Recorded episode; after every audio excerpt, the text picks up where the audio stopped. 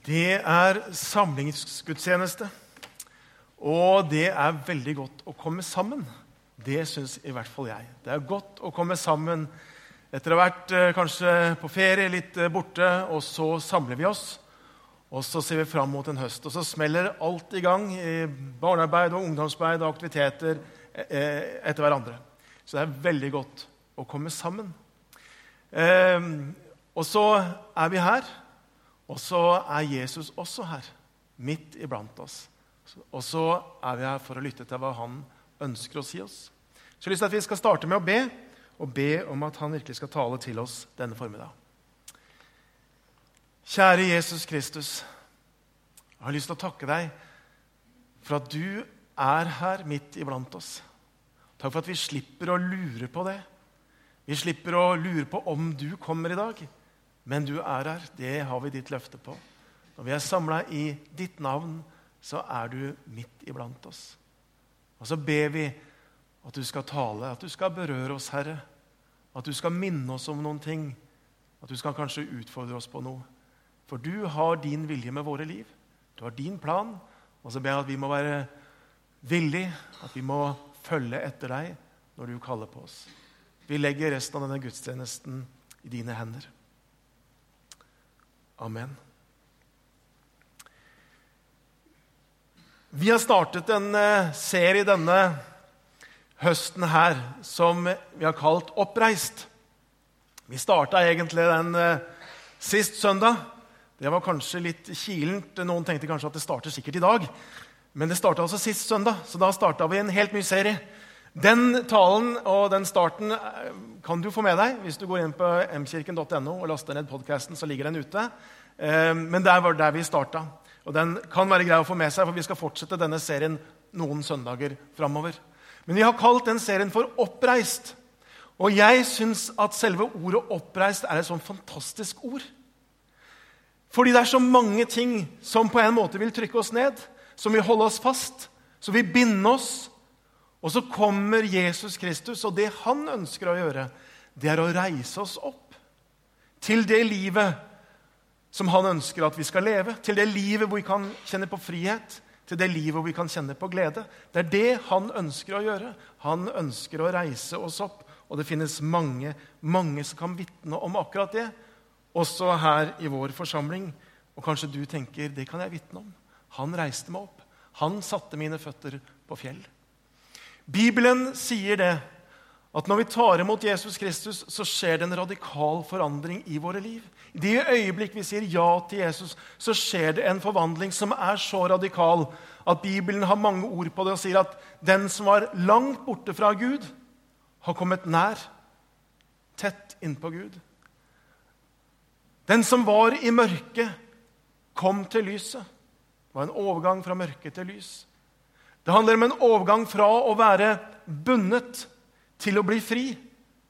Og et sterkt uttrykk som brukes, det er dette Vi gikk fra død til liv. Tenk på det. Før Kristus var vi døde. Og så får vi lov til, med Kristus, å erfare livet. Og selve den kristne dåp, det er jo det den forteller om. Idet du går ned i dåpens grav, så blir du lagt under vannet. Hva er det for noe? Jo, det vitner og taler om at vi dør sammen med Kristus. Og så holder Du ikke Du er ikke under så lenge som jeg snakker nå, men du, du er under. Vannspeilet lukker seg over deg. Og så reises du opp av vannet, av graven. Til hva? Jo, til å leve et liv oppreist med Kristus. Romerne 6,3-4 så står det Eller vet dere ikke at alle vi som ble døpt til Kristus Jesus, ble døpt til hans død? Vi ble begravet med han da vi ble døpt med denne dåp til døden. Og som Kristus ble reist opp fra døden med sin fars herlighet, skal også vi vandre et nytt liv. Det er det dåpen vitner om. Det er det dåpen forteller om. Vi har oppreist med Kristus til å vandre et nytt liv. Vi er nye skapninger, står det i Bibelen. Alt er nytt. Vi får et nytt fokus, vi får et nytt perspektiv for livet vårt. Og Sist søndag jeg bare skal si noen få setninger om det, så talte vi ut ifra Kolosserne 3 og de fem første versene. Og i det første verset så står det sånn Er dere da reist opp med Kristus, så søk det som er her oppe, hvor Kristus sitter ved Guds høyre hånd. Er dere reist opp med Kristus, og alle vi som har tatt imot Jesus, er jo det. Det er det som er poenget. Hva da? Jo, søk det som er der oppe. Det er så mange ting som vil at vi skal søke alt mulig annet. Og så sier Jesus, og sier Guds ord, så sier Paulus her, søk det som er der oppe.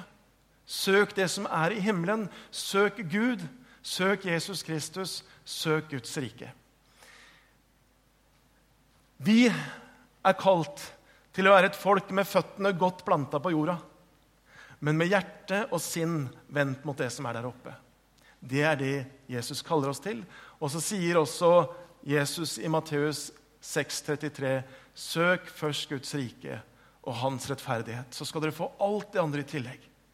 Og så er det så mange ganger at i frykt for å miste ting, for å miste ting som er viktig for oss, så på en måte setter vi det først og tenker vi bare må ordne det, og så Gud. Og så gjør vi det omvendt. Men Jesus sier, 'Søk først Guds rike'. Og så vil dere faktisk få, å løfte her alt det andre i tillegg. Et fantastisk liv sammen med Jesus. Det var det vi snakka litt om sist gang. I dag skal vi snakke om at vi er oppreist også til et fellesskap. Et fellesskap med hverandre. Helt ifra Bibelens, eller fra menighetens første tid så skjer det noen ting. Når vi sier ja til Jesus, så er det ikke lenger bare jeg og Jesus. Vi inkluderes i et fellesskap som Bibelen kalles Guds familie, som kalles Guds folk, som kalles Kristi kropp. Og Helt tilbake til den første menighet så er det på en måte en sammenheng i det. Det står det at De som tok imot hans budskap, ble døpt, og den dagen ble 3000 lagt til menigheten. Så frelst, døpt, lagt til menigheten i på en måte samme bevegelse. Det var nesten synonymt, i hvert fall avhengig av hverandre. Man ble, tok imot Jesus, man ble døpt, og man ble tillagt menigheten. Sånn står det også litt seinere. De lovte Gud, og alle satte pris på dem. Hver dag ble nye mennesker frelst, og Herren la dem til menigheten. Så Bibelen er helt fremmed for en tanke at det går an å være kristen, tatt imot Jesus, og ikke være del av et kristen fellesskap. Den tanken finner du ikke i Det nye testamentet. I 1. Korinterbrev 12, 13 så står det slik.: For med én ånd ble vi alle døpt til å være ett legeme. Enten vi er jøder eller grekere, slaver eller fri, og vi fikk alle én ånd å drikke. Vi er altså døpt til å være ett legeme, til å være én kropp. Det er det fellesskapet som vi er invitert til. Et fellesskap som er sterkere enn noe annet fellesskap. Et fellesskap som går dypere enn andre fellesskap. Vi er ikke samla fordi at vi har samme interesse. Det er liksom ikke frimerkeinteressen som samler oss. Det er ikke heller fordi at vi alle på en måte kommer fra samme sted. Det er fordi at Jesus Kristus han døde for oss. Vi fikk lov til å ta imot. Han reiste oss opp. Og så har vi del i det samme fellesskapet. Døpt inn i den samme kropp. Vi tilhører hverandre. Det er sterkere enn noe annet. Og så er det også flott med dette fellesskapet som står her i andre delen av dette verset. Her, Enten vi er jøder eller grekere, slaver eller fri. Fordi dette fellesskapet, helt ifra første stund, så var det et fellesskap som på en måte skjærte gjennom alle ting som skiller mennesker, både den gang og i dag. Det er et fellesskap for begge kjønn, sønner og døtre. står Det om. Det er et fellesskap for de som var fri, og for de som var slaver. Det var et fellesskap for de som var i Romerrikets tjeneste, det var et fellesskap for de som var jøder. Det var et fellesskap for jøder og ganske snart grekere. Det var et fellesskap for alle. Og sånn er menigheten. Det er det første på mange måter multikulturelle og globale fellesskapet som vi vet om. Det er menigheten. Det gjør menigheten ja, sterkere, mer spennende, flottere, rikere enn jeg tenker noe annet fellesskap som finnes. Ehm, for noen år siden så var jeg i USA. og Det er jo presidentvalg om et års tid. eller sånt nå, eh, og Allerede nå så er det jo masse stoff om det. Hvem er det som stiller som presidentkandidat fra republikanerne? og ikke sant? Donald Trump og alt det her. Ehm, eh, så det er jo interessant å legge merke til at i USA så er det nok enda større sånn, eh, si, polarisering mellom disse ulike politiske retningene, demokratene og republikanerne, enn det er her i Norge. Og For noen år siden så spiste jeg lunsj med noen amerikanske ledere og noen norske ledere, og vi hadde det veldig trivelig. Det var god stemning, det var godt humør, og vi snakka om forskjeller på Norge og USA. og Litt sånn prega av den lette stemningen kanskje, så stilte jeg følgende spørsmål. Eh, det jeg ikke skjønner, det er at konservative folk som er for livet, som er mot abort, at de likevel er for dødsstraff. Og så ble det bare veldig stille rundt det lunsjbordet. Og så skjønte jeg her har jeg tråkka i en eller annen salat. Og så alle spiste bare sånn veldig opptatt. Og så til slutt så var det en som litt sånn hviskende forklarte noen ting for meg. sånn bare jeg og han. Så da skjønte jeg her tråkka jeg uti en eller annen salat. Eh, og det var eh, sikkert bare republikanere som satt rundt bordet der. Eh, og så var det noen ting ikke jeg skjønte, som kom fra en annen kultur. Og så er det en bosnier som sier følgende. Han sier at han bodde i New York, og så sier han følgende.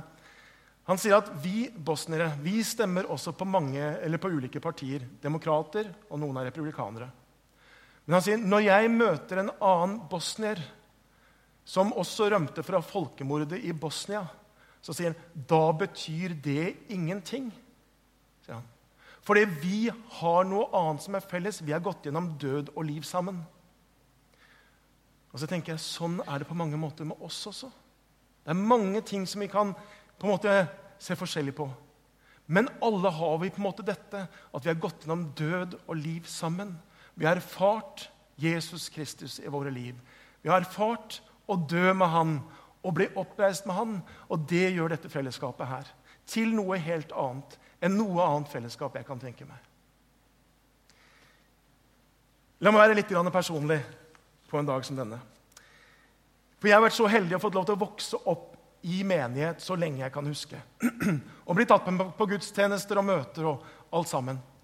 Og Jeg husker at som lite barn, når jeg var så langt tilbake jeg kan huske, sånn fem-seks år, så var jeg med på Det var kveldsmøter mine foreldre gikk på da. Og så var jeg med, og så skjønte jeg ikke alt som skjedde. Eh, og mange ganger var det sånn at etter noen par kvarter så sovna jeg sånn under dressjakka til faren min, sånn oppi innerlomma omtrent. Og allikevel så fornemmer jeg noe fra den tida. At det var noe med den atmosfæren av en nærvær, av en trygghet, eh, av en begeistring. Og jeg kan huske noen av de sangene som ble sunget da, som ikke jeg har hørt siden. Det var noe som satte seg som noe veldig positivt og veldig godt. Og så tenker jeg, jeg er så glad at jeg fikk lov til å oppleve det. Som ungdom så syns jeg at Særlig når jeg kom på ungdomsskolen, så syns jeg at det var litt vanskelig. Eh, jeg syns det var ting ved det å være en elev på en ungdomsskole som ikke var lett. Og jeg kjente at her på en måte ble jeg på mange måter liten. Jeg hadde bl.a. Eh, en del sånn veldig politisk radikale lærere og som eh, opplevde jeg, lot det gå utover oss hvis vi tenkte litt annerledes enn de. De skulle liksom virkelig overbevise. Og jeg kjente at det der var trangt. Og så opplevde jeg som ungdom å få lov til å være ungdom i Mjøndalen misjonsmenighet. Og oppleve der et helt annet landskap, hvor jeg blei sett av voksne, sett av eldre. De visste hvem jeg var, noen av de som var pensjonister her. De kjente mitt navn. De heia på meg. De så meg, de ga meg ansvar de trodde på meg. Og så kjente jeg det at det å få lov til å være ungdom der, det var som å være i et åpent landskap. Og jeg fikk lov til å blomstre og fikk lov til å være meg sjøl. Og så var det så rikt. Og så gifta jeg Annike oss, og så har vi fått familie. og så har Vi snakka om det mange ganger, hvor takknemlige vi er for det å få lov til å ha menighet og det å ha menighetsengasjement sammen som ektepar. Og hva det har betydd. Og også det for barna våre å få lov til å vokse opp i menigheter hvor det har vært jevnaldrende som også har vært kristne. Og så tenker jeg, Det tar vi så ofte for gitt, kanskje her på Sørlandet. Men det er mange mange, mange rundt omkring i dette landet som er en kristen familie, og som ikke har noen rundt seg jevnaldrende barn som de kan støtte seg på, og som er utfordrende.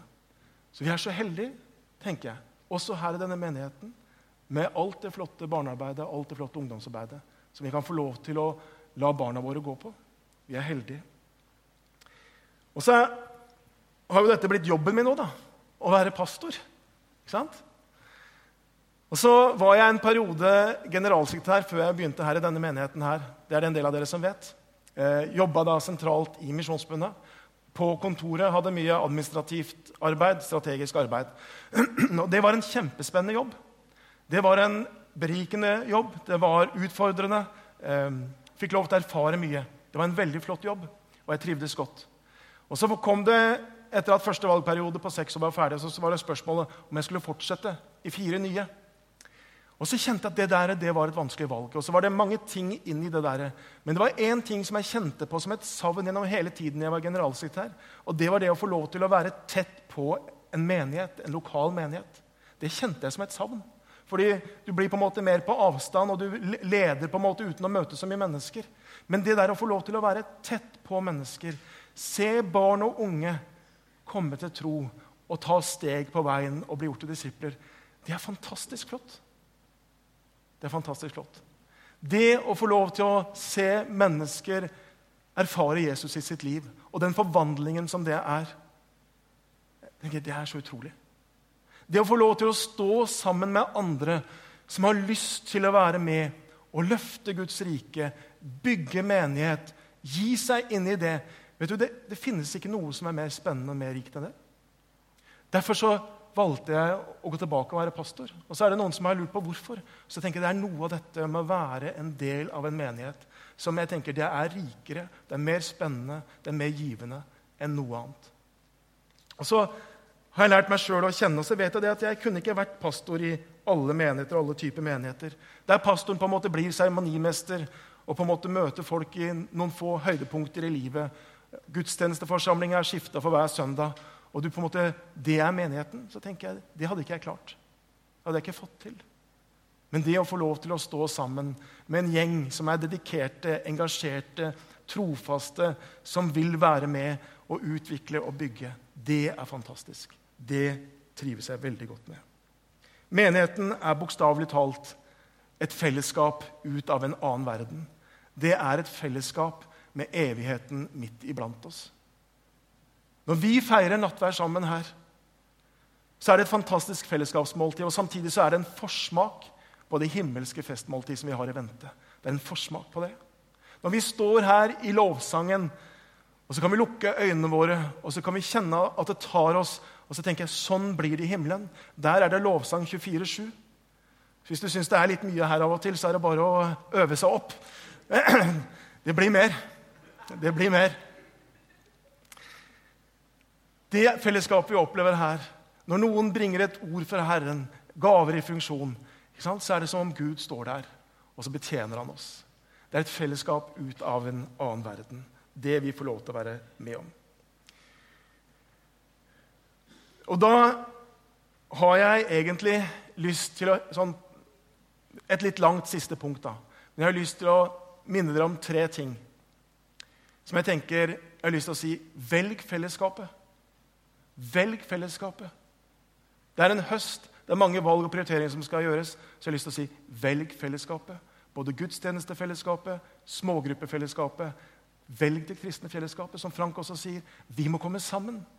For det er da vi bygger hverandre opp. Så er det tre grunner tenker jeg, til at vi skal velge fellesskapet. Og det første det er at når vi velger fellesskapet, så bygger det tro. Når vi velger fellesskapet, så bygger det tro. Troen vår er ingen statisk størrelse. Troen den kan vokse, men troen kan også visne. Troen den kan styrkes, men den kan også svekkes. Og Bibelen har mange eksempler på det, og det er mange ulike illustrasjoner på det. Og Jesus han snakker om såmannen som er ute og sår. Og så er på en måte jordsmonna det er hvordan det faller i våre liv. Og så er det ulike grunner til at såkornet, Guds ord, ikke spirer. Men noe det er dette at livets bekymringer og rikdommens bedrag det vokser opp, og så kveler det ordet. Troen er ingen selvfølge.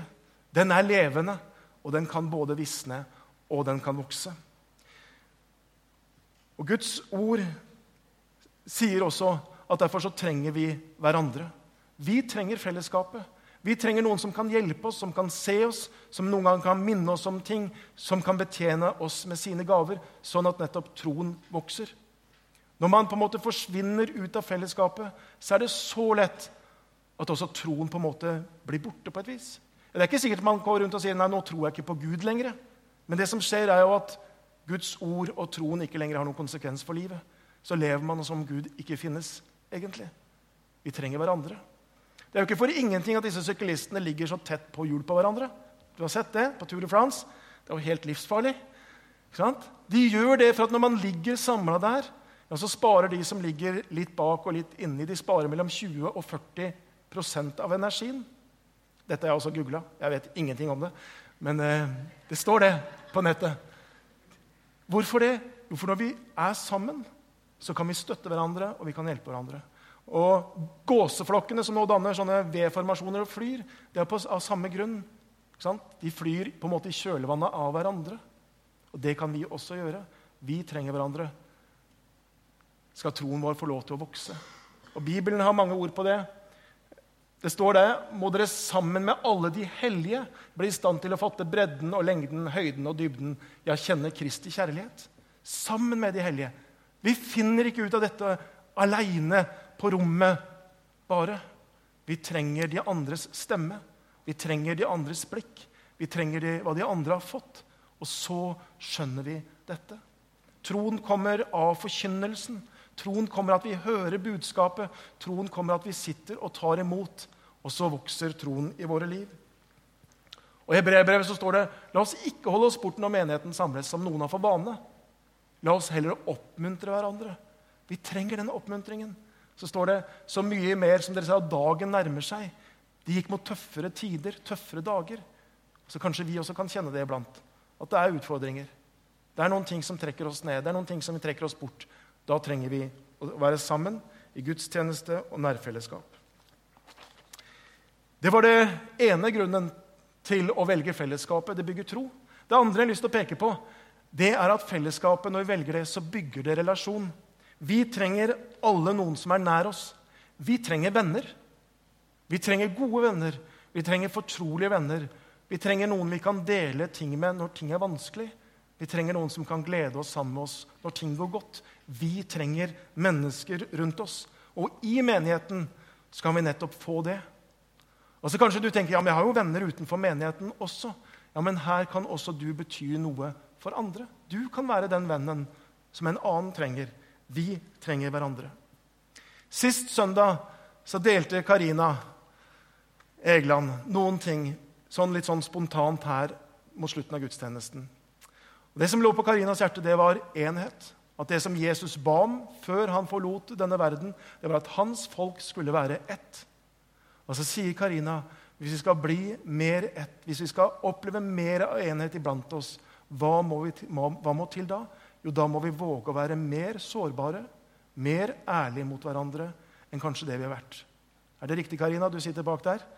Det var omtrent sånn du sa det, tror jeg. Og så tenker jeg, Det tror jeg er en profetisk røst inn i vår tid, men også inn i vår menighet. Vi trenger å dele mer. Vi trenger mer oppriktighet. Vi trenger mer ekthet, og vi trenger mer ærlighet. Sånn at når vi kommer hit, så er det ikke glansbildet som vi viser fram, men det er sånn vi har det. Da kommer vi tettere på hverandre. Da bygger vi tillit. Da bygger vi fellesskap. Og så er det jo sånn at er det ett sted i hele verden man kan komme med sin svakhet og med sin tilkortkommenhet og hva man ikke fikk til, så er det jo Guds menighet. For hvordan er det dette fellesskapet defineres, da? Jo, dette fellesskapet, jeg tenker De fleste fellesskap omkring i verden er jo definert på en eller annen måte hva man har fått til. Et arbeidskollegium, hva er det definert ut ifra? Jo, det er de som var på en måte høyest i ansettelsesprosessen. De som på en måte fikk det. I, i, på et idrettslag, hvem er det som er med i gruppa der? Jo, det er de som har prestert. På en eller annen måte så er alle fellesskap det handler om hva vi har fått til i livet. På den ene eller på den andre måten. Og menigheten, hva handler det om? Ja, Tvert imot. Det handler jo faktisk om at vi ikke har fått det til. Det handler om at her er vi samla, alle vi som faktisk har erkjent at jeg fikk det ikke til. Jeg klarte ikke å leve opp til min egen standard. Jeg fiksa ikke livet. Jeg klarte ikke å leve sånn som Guds ord sier at jeg skulle. Jeg er en synder. Det kristne fellesskap er et fellesskap av og for tillit til syndere. Det er det vi er her for. Så jeg tenker Når vi ser oss sjøl i speilet, så vet vi at der står det faktisk en synder. Og Noen menigheter de starter jo gudstjenesten med en synsbekjennelse. ikke sant? Hellig Gud, vær meg arme synder nådig. Jeg er krenka deg i ord og tanker og gjerninger. Og Det er noe veldig flott i det. For på en eller annen måte så er det det som samler oss. Det vi ikke fikk til. Og så kom Jesus oss i møte. Og så reiste han oss opp. Og så får vi lov til å være oppreist med han. Jeg tenker, Er det noe sted det går an å være åpen og ærlig med sitt liv, så er det faktisk her. Midt iblant oss. Og så er det noen som har på en måte hatt et nederlag i livet. Så tror jeg vi kjenner oss så igjen. Alle har vi vårt som vi ikke får til. Det tredje jeg har lyst til å peke til, det er velg fellesskapet. Det bygger Guds rike. Sammen, nemlig. Når vi står sammen, da kan vi gjøre utrolig mye. Da kan vi nå utrolig langt. Det vi tenker er helt håpløst, helt umulig. Og så er det kanskje det, men når vi kommer sammen, så er det utrolig faktisk hva vi kan gjøre. Sammen så er vi Kristi kropp som kan få lov til å fortsette det som Jesus kom for å gjøre. Nemlig bringe Guds rike ut, bringe evangeliet ut. Jesus sier, 'Som Faderen har sendt meg, sender jeg dere'. Det er den samme bevegelse, det er den samme sendelse. Vi er sendt. Vi kan få lov til å gjøre det når vi er et fellesskap, når vi står sammen. I vår menighet så har vi sagt noe om, eller bestemt oss på tidspunkt, eller noen ting har kommet til oss, hva faktisk vi skal være. Hva det Guds kall er til oss. Hvordan tror vi det ser ut? Vi har sagt noe om at barne- og ungdomsarbeid, som har vært noe i hjertet i denne menigheten bestandig, det vil vi fortsatt være. Vi vil være en menighet som kan få lov til å møte barn og unge. Gi dem en god hverdag og samtidig peke på Jesus Kristus, sånn at de kan få lov til å oppleve friheten og det frigjørende budskapet som evangeliet er. Det ønsker vi fortsatt å være. Vi har Alfa, som vi har kjørt nå på det 18. året, tror jeg. Som vi starter opp til høsten, med 70 deltakere og mange ledere. Et introduksjonskurs for den kristne tro, hvor mange har fått lov til å både møte Jesus og forstå mer om hvem han er. Det ønsker vi fortsatt å gjøre. Vi er engasjert i misjon i Colombia, det vi har vært i mange år, og i de senere årene i Romania, hvor vi også ønsker å se og være med og bringe Guds rike ut. Både evangeliet og Guds barmhjertighet på ulik måte. Vi er med i fattigdomsbekjempelse. Prosjektet fra Tiggerkopp, som vi er engasjert i i denne byen sammen med noen andre, og som også har fått 200 000 fra Justisdepartementet som en polit, poli, eh, polit, pilotprosjekt. er Det der. Det ønsker vi å være med om. Å være med å bekjempe noe av fattigdomsproblematikken og tiggerproblematikken i vår by.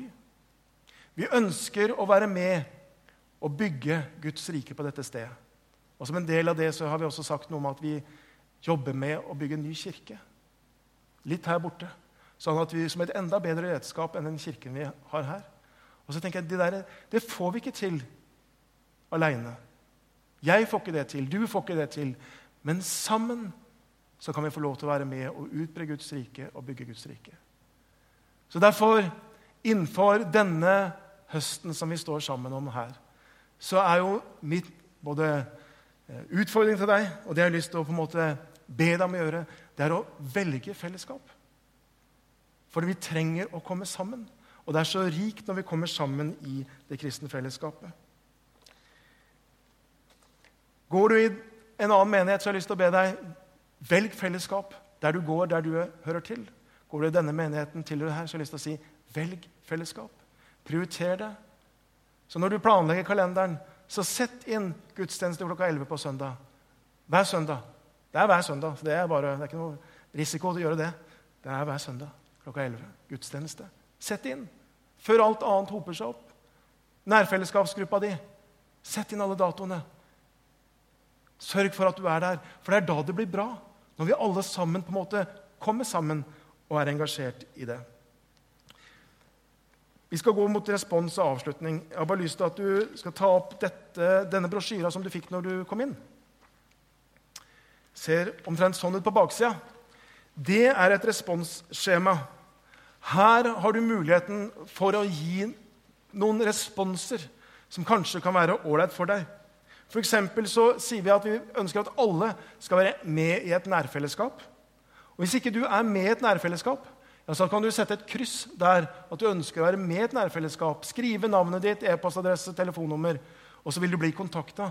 og så har vi grupper hvor du kan være med. Kanskje du tenker at du lurer litt på hva det vil si å være medlem hos oss. Da kan du få lov til å skrive det her, og så blir du kontakta, og så vil du få informasjon om det. Kanskje har du gått her en god stund, og så tenker du men jeg er jo egentlig ikke medlem. Da skal du få lov til å kjenne at du er velkommen inn som medlem. Kanskje Vi sier ofte at skal du virkelig oppleve hva det vil si å være med, med en menighet, så må du være med i tre fellesskap. Storfellesskap, som gudstjenesten er. Nærfellesskap, eh, hvor vi er en liten gruppe sammen kommer tettere på hverandre. Men også et tjenestefellesskap. Kanskje tenker du nå jeg har ikke noe tjeneste her, eller det er lenge siden jeg har hatt noe tjeneste her. Kryss av der, så vil noen kontakte deg, og så vil vi snakke litt sammen hva det kan være nettopp for deg. Givertjeneste, en annen måte å være, på en måte dele fellesskap og ansvar og velsignelser. Så kanskje du tenker det er jeg ikke med, eller det har jeg falt ut av, eller det er lenge siden jeg har øka. Kryss av der, så blir du kontakta. Og du som ikke er medlem, eller hvis ikke vi har en riktig e-postadresse, så kan du også skrive at du ønsker en informasjonsmail. Dere som er medlemmer, og som vi har e-postadresse på, dere får det. Skriv det opp, og så vil du bli holdt orientert. Og så tenker jeg, når vi går mot respons nå Vi skal ha litt tid, stillhet innenfor Gud. Ja, så ta tak i den brosjyra. Og så kan du tenke, kjære Gud, kjære Gud. Er det noen ting her du vil at jeg på en måte skal gi en respons på på denne måten? Så gjør det. Og så kan du legge denne brosjyra enten i postkassa ute i gangen eller til en av møntervertene som står ved døra. Gi den responsen. Tenk på det. Kjære Gud, hva er det du har for meg denne høsten her? Og Så vil vi også ha respons sånn som vi pleier. Det er en bønnekrukke. Du kan skrive din bønn på en lapp og legge det i krukka. Du kan komme ned i lysgloben, tenne din lys som representerer din bønn og ditt behov, nettopp på Kristuslyset i midten, og så kan du tenne, stå der og tenne ditt lys. Du kan gå i bønnerommet. Der vil det være noen som vil be for deg. Så jeg har lyst til å oppmuntre deg og si det er ufattelig godt å få lov til å være gjenstand for forbønn. Så benytt den muligheten.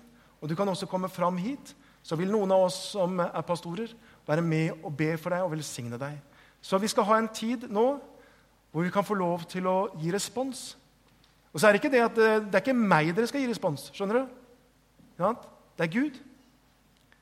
Det er ikke det viktigste på en måte hva du tenker. Han var ikke helt enig i det Jarle sa der. Det, glem det. Det er Gud. For Jesus er her.